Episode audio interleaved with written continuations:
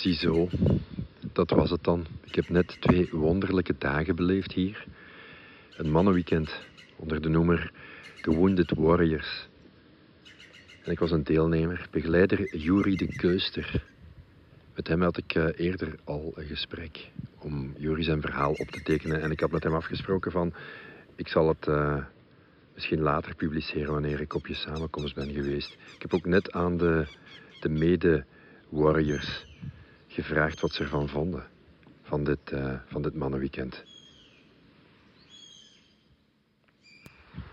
Jezelf worden. Uw innerlijke zelf worden. Dat was het mooiste moment. Wanneer heb je dat het meeste gevoeld? Tijdens de wandeling. Je gooit. Je komt tot het besef, je gooit die dingen van je af. En tijdens de vuurceremonie uh, wordt het bevestigd. Kan je iets vertellen over. over wat die vuurceremonie met jou deed op het moment zelf? Bevrijden. Gewoon bevrijden. Uh, mijn mooiste moment is uh, de liefde die ik voelde. Mijn naam is Juri. Uh, van de mannen om mij heen. De Keuster. Maar ik kan misschien hebben Mijn naam is Juri de Keuster. Heb je je geamuseerd dit weekend? Dit is wat ik graag doe. Dit is waarom dat ik het doe. En dit is wat ik eigenlijk voor de rest van mijn leven doe. Ik, dit is voor mij mijn zijn. Ik ben woonachtig uh, aan de rand van de Vlaamse Ardennen. Uh, ik heb uh, een zodanige veiligheid gevoeld als man tussen mannen. En ik woon daar samen met Veronique en Liesel en Wolf, mijn twee kinderen. waardoor ik me helemaal kon laten gaan. Ik me kwetsbaar durfde opstellen en daardoor de liefde heb mogen ontvangen van al die mannen. En we deelden de kamer. En we deelden de kamer. Ja, we deelden de kamer. Maar we delen meer dan de kamer. We delen de ervaring, we delen wie we zijn. En door te delen herkennen we ook onszelf in elkaar. En dat maakt het juist zo mooi. En door dat te erkennen, begrijp je dat je het niet bij een ander kan leggen, maar dat het allemaal bij jezelf ligt. En dat verandering niet afhangt van een ander, maar dat verandering bij jezelf begint. Als ik daar nu op terugkijk, is dat eigenlijk al vrij vroeg begonnen. Uh, kan ik echt wel spreken van in de kindertijd dat ik soms de gewaarwording had dat er meer gebeurde als dat ik kon waarnemen met uh, normale zintuigen. Um, dat heeft zo'n beetje een nieuwe wereld geopend voor mij. Met als nadelig gevolg daarvan dat ik nogal bestempeld werd in de lagere school als een, een dromer.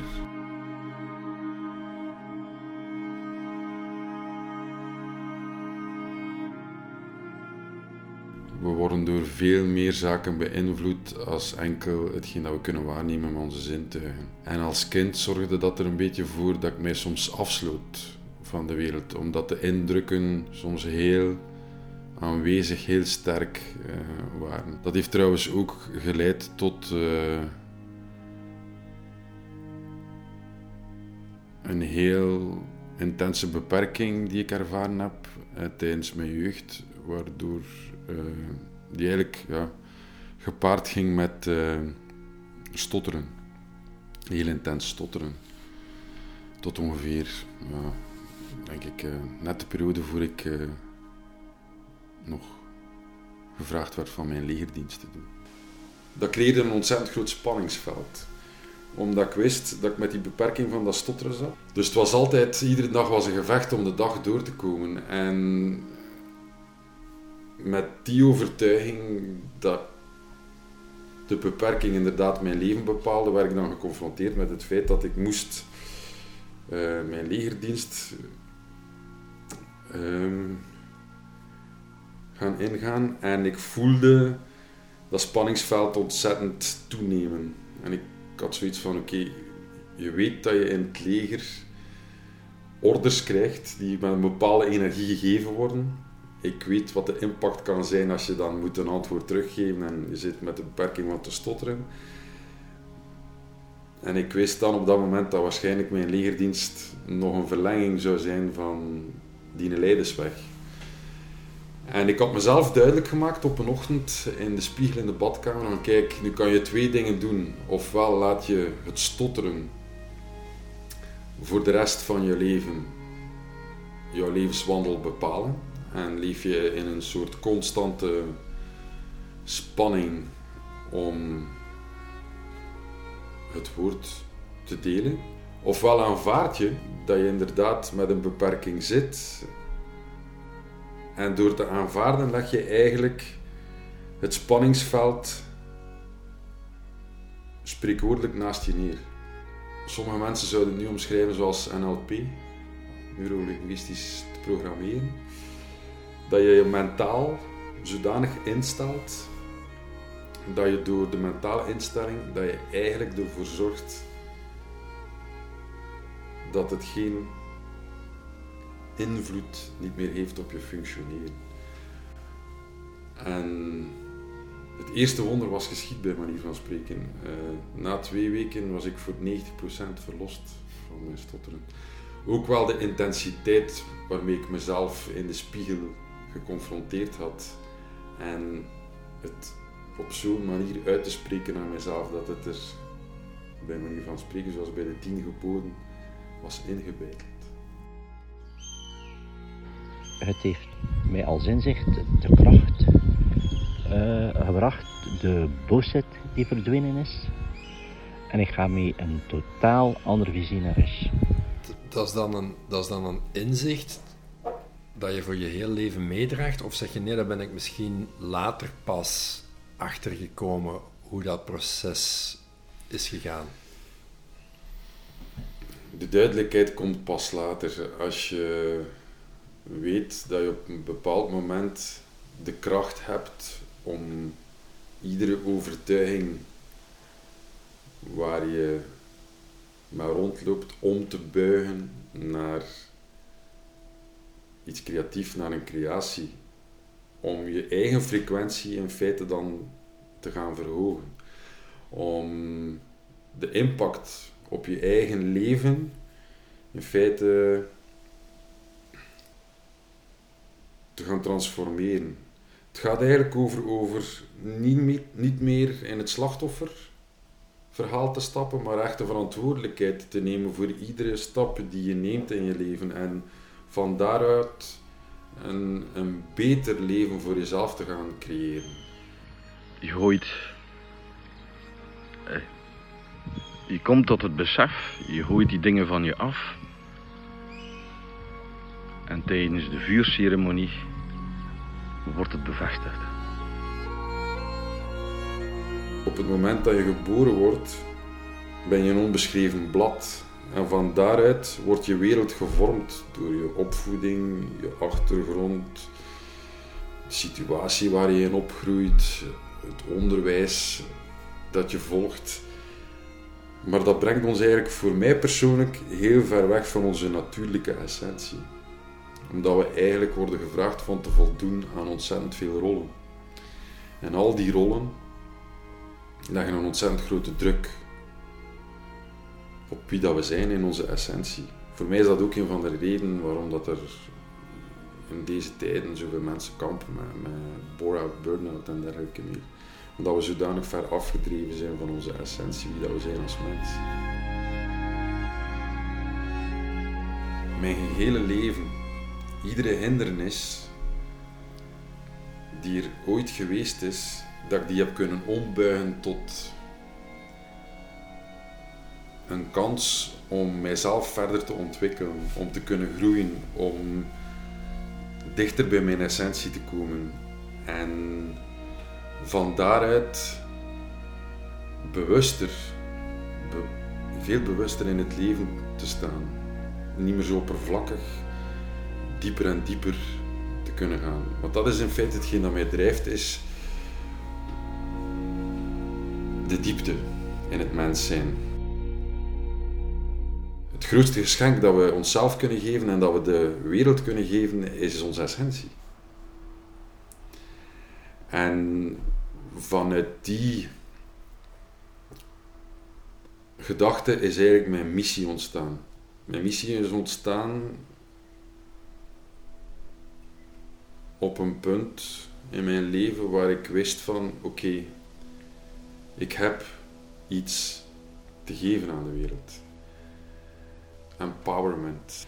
En dat gaat over het bekrachtigen, zoals ik mezelf bekrachtigd heb, maar het bekrachtigen van mijn omgeving. Dus dat gaat over het bekrachtigen van de wereld. Hoe kan mijn frequentie van de wereld een betere plaats maken? Of hoe kan mijn frequentie mijn leefwereld gaan transformeren zodat er een betere plaats wordt voor mijzelf en voor mijn omgeving? Ik kwam erachter na een tijd dat eigenlijk dat wat er vertaald wordt, in welke mysterieschool ook, dat alles een bepaalde frequentie heeft, dat alles een bepaalde energie heeft. En dat voor mij persoonlijk het eigenlijk niet zozeer ging over wat er vertaald werd, maar meer welke energie dat er werd meegestuurd. Wat het deed met mij. Niet zozeer mijn denken, maar meer in mijn gewaarworden. Voor mij gaat dat ontzettend gepaard met wat ik gewaar word. Niet zozeer met wat ik denk. Het kan soms zijn dat je in een opleiding zit en dat je de vraag stelt. Na een half uur, een uur, wat zit ik hier juist te doen eigenlijk? Maar dat je dan maanden, jaren later in een andere opleiding zit, die misschien gelijkaardig is, maar die een totaal andere frequentie uitstraalt. Zoals dat je kunt ervaren op school als je een bepaalde leerkracht hebt die een bepaald vak geeft. En het jaar ervoor had je bijvoorbeeld een heel sterke interesse in dat vak. Maar het jaar erachter heb je totaal geen interesse meer in dat vak. Maar wat heeft dat te maken? Heeft dat te maken met het vak zelf? Waarschijnlijk niet, want het gaat over hetzelfde vak. Maar heeft het te maken met de frequentie waarmee het gegeven wordt? Door wie dat het gegeven wordt?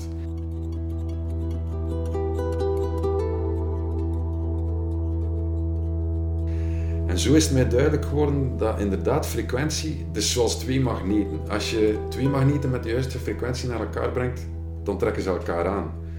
Breng je twee magneten met een ongelijke frequentie of een niet-resonante frequentie naar elkaar, dan stoten ze elkaar af.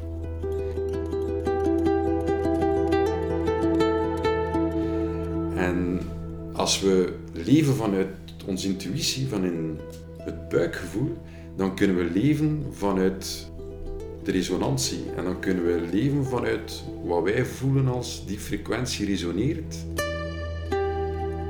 Soms wil het ons denken het natuurlijk overnemen, want dan beginnen we alles te analyseren. Maar leven vanuit intuïtie betekent eigenlijk u openstaan voor de frequenties die zich aandienen en daar dan dieper in te gaan.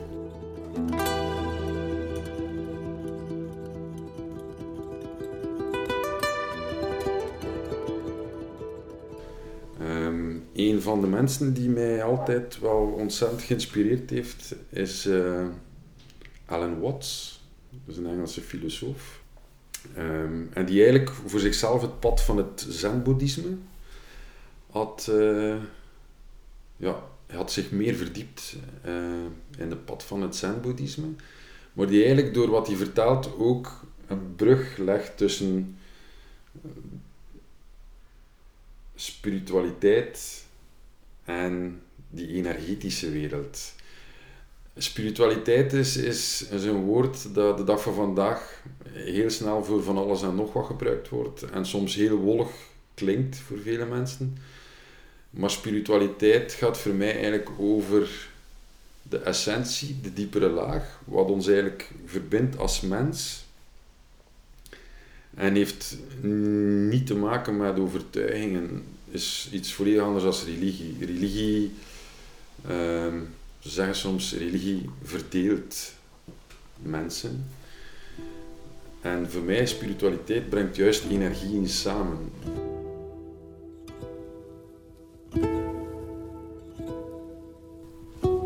Het is een proces die, die, die een hele lange weg afgelegd heeft. En er gaat nog een klein verhaal aan vooraf.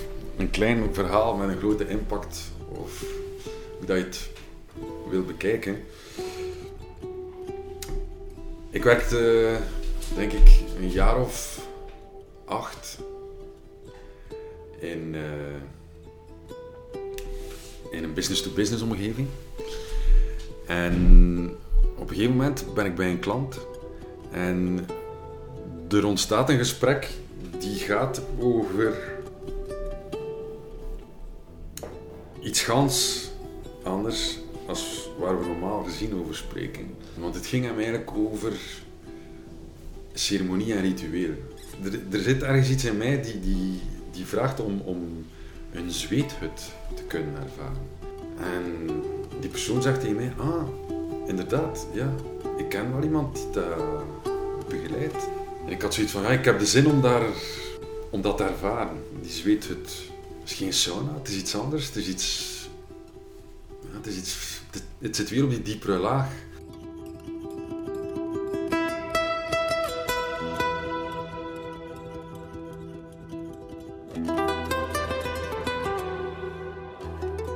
Kreeg de mogelijkheid om dat te ervaren en ik, en ik zei tegen mijn vrouw van ja, ik ga een zweethut uh, doen. En ze kijkt me aan zoals dat ze het een beetje in keulen door de donderen. En zei, wat ga je doen? Ik zeg, ik, zeg, ik ga een zweethut doen. En wat is dat juist? Ja, ik, zeg, ik weet dat niet, maar ik heb het gevoel dat ik dat... Eh, dat daar moet zijn. En ik ben er naartoe gegaan en ik, ik ben dan terechtgekomen bij iemand die al een hele tijd meer bezig was met, met hoe dat eh, onze voorouders leefden, meer in verbinding met de natuur, hoe dat nog altijd steeds bevolkingsgroepen over de wereld heel dicht met de natuur samenleven. En een zweethut is een, man, is een manier om eigenlijk die verbinding te manifesteren en daar ook gebruik van te maken om je eigen proces te gaan transformeren. Om eigenlijk, uh, je zou kunnen zeggen, uh, psychotherapeutisch werk op diepere laag, maar in verbinding met de natuur. En zo ben ik eigenlijk een beetje België en Nederland gaan afreizen, ieder weekend. Want ik voelde dat een zweethut ceremonie voor mij was voor mij steeds thuiskomen en dieper en dieper en dieper met mezelf in contact komen, met mijn essentie, wie dat ik in werkelijk was. Tot op een bepaald moment dat onze dochter heel ernstig ziek was geworden. Op een bepaald moment heb ik vier dagen en vier nachten bij haar in het ziekenhuis aan haar bed vertoefd. En heb ik uh, voor de eerste keer een soort gesprek gehad, ik noem het het gesprek met mijn hogere zelf. En gevraagd van, kijk, uh, want de diagnose zag er helemaal niet goed uit. Als er inderdaad iets is dan is dit een moment. En daar heb ik eigenlijk, zoals een beetje zoals ik in de spiegel gedaan had, met het stotteren, gezegd van kijk, als alles zich mag oplossen met onze dochter en dat ze weer heel snel er mag bovenop komen, dan ben ik bereid om mijn leven 360 graden te draaien. En met 360 graden draaien bedoel ik dat we niet op hetzelfde punt uitkomen, maar dat we een frequentie hoger kunnen uitkomen.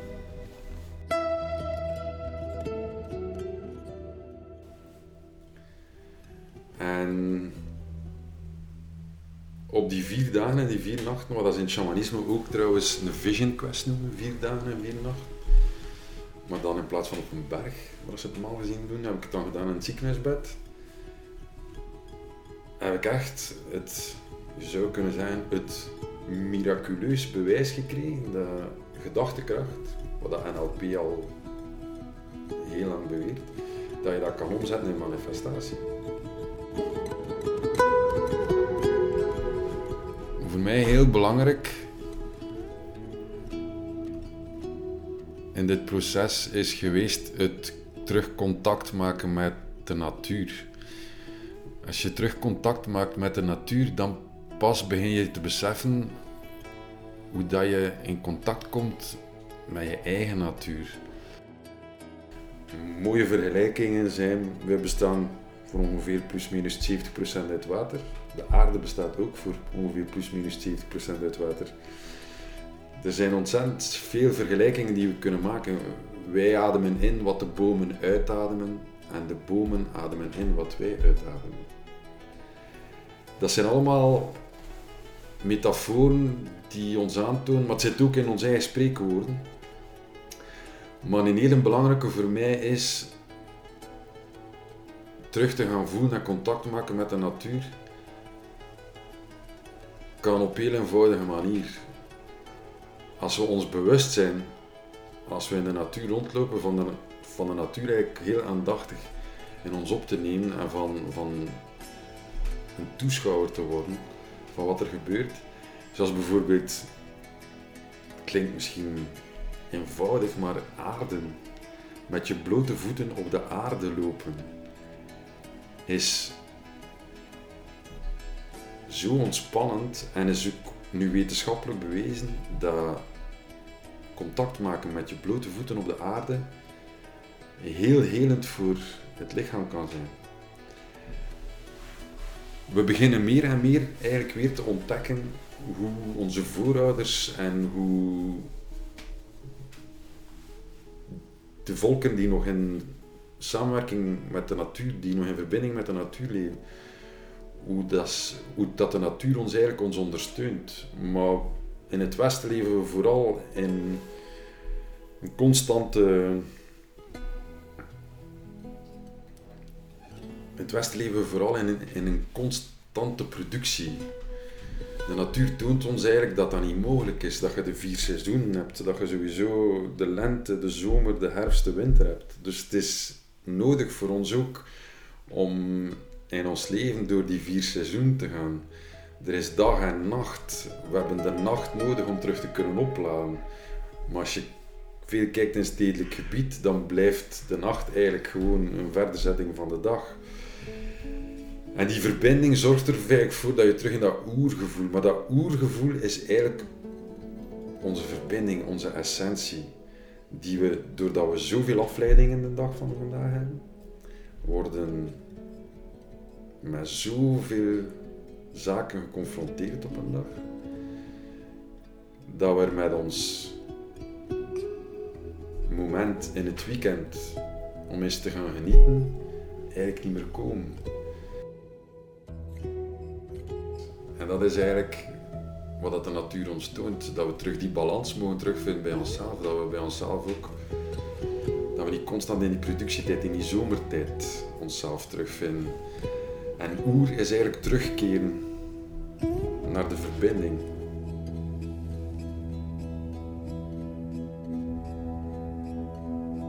Ik heb heel veel warmte in me gevoeld. De warmte ging naar binnen en het was net alsof er ijs ontdooide en smolt, waardoor warmte in de plaats kwam. Voor mij is, is, is de, de ultieme vorm van manifestatie gaat er dan eigenlijk over dat je, als je op de laatste dag van je leven bewust weer kijkt op je leven, dat je tegen jezelf ook kan zeggen van, kijk, ik heb alles gedaan wat in mijn mogelijkheden lag. En iedere keuze die ik gemaakt heb, is een keuze geweest die in lijn ligt met wat ik denk, met wat ik voel en wat ik zeg.